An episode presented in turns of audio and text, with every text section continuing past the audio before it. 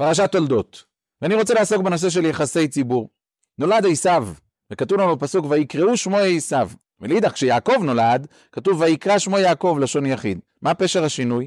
חשבתי פעם שלעשיו יש יחסי ציבור מצוינים. כולם מדברים עליו, כולם מפרסמים אותו, כולם דואגים בשבילו ויקראו שמו עשיו. לאידך ליעקב אבינו יש יחסי ציבור מאוד מאוד מצומצמים, ורק הקדוש ברוך הוא בכבודו ובעצמו, ויקרא שמו יעקב. הווה אומר, שכשמגיעים למשהו שהוא באמת רציני תכלס, יחסי הציבור גרועים. אנשים מוכנים לשמוע בימינו חיזוקים באחד, בשתיים, בשלוש, בארבע, ובכוונה אני לא נוקט דוגמאות, כדי שלא יובן שאני נוקט איזושהי עמדה בעניין מסוים. אבל כשמגיעים למה שבאמת עם ישראל צריך לעשות, על פי דברי חז"ל הקדושים, אז אנשים מתחילים עם שאלות, מי אמר? אולי אתה משיחיסט, ומי אמר בכלל שלזה התכוונו חז"ל, וכן על זה הדרך. אז בהרצאות שאני מעביר אני מוכיח בצורה ברורה, שחור על גבי לבן, שחז"ל התייחסו בדיוק בדיוק לתקופה שלנו, ממרחקים של 1800 שנה הם מתייחסים לאירועים ספציפיים שקורים פה בימינו. מה התפקיד שלנו? אומרים לנו חז"ל הקדושים שראו את האירועים האלו, והם אומרים לנו במפורש מה יהיה, והם אומרים לנו מה אנחנו צריכים לעשות. הם אומרים, אתם צריכים פשוט לפתוח את הפה ולבקש. כותב הרמב"ן בפרשת השבוע שלנו, בנושא של שלושת הבארות, יצחק אבינו חופר שלושה בארות, עסק, שטנה ורחובות. אומר הרמב"ן, התורה לא באה לספר סתם סיפורי מעשיות, מה זה משנה אם הוא חפר בארות או לא.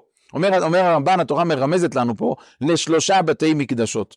בית המקדש הראשון נקרא בתואר עסק, כי התעסקו עמו, רבו עמם ישראל, כל הגויים רבו עמם ישראל והחריבו בית המקדש. בית המקדש השני נקרא בתואר שטנה, כי כתוב בפסוק שבתחילת מלכותו כתבו שטנה על יושבי יהודה וירושלים. ובית המקדש השלישי, שלו אנחנו מצפים, הוא נקרא בתואר רחובות, כי עתה הרחיב השם לנו ופרינו בארץ. בית המקדש הזה ייבנה בצורה טובה, בצורה ידידותית, בצורה שעם ישראל ישתרש בארץ ישראל, ייבנה בארץ ישראל, ואז יגיע השלב של הגאולה. אז נראה שאנחנו נמצאים כבר במקום הזה. ברוך השם, עם ישראל בארץ ישראל. עיקר היישוב היהודי יושב כיום בארץ ישראל. בתי הכנסת מלאים, הישיבות, כל המוסדות ציבור בלי עין רע, הכל פורח, הכל משגשג.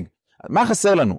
חסר לנו דבר אחד ויחיד, חסר לנו את בית המקדש, ואנחנו צריכים לדעת שלא לשבת על זרי הדפנה ולהגיד ברוך טוב לנו, נחמד לנו במצב הזה, הכל בסדר, רק נחזור לשגרה, הצבא יגמור את הבלגן בעזה ונחזור לשגרה. ברור שהקדוש ברוך הוא מצפה מאיתנו למשהו הרבה יותר גדול. הקדוש ברוך הוא רוצה להחזיר אותנו לבית המקדש, הוא לא לחינם החזיר אותנו לארץ ישראל, כפי שאנחנו מעריכים בהרצאות, בהרחבה, בראיות ברורות לכל דבר ולכל עניין. אז מה התפקיד שלנו?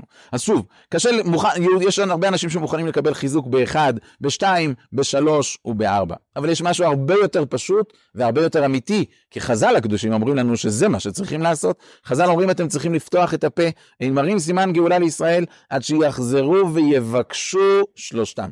אומר החפץ חיים, החתן עומד בחופה, מתי תדע, מתי הכלה תצא?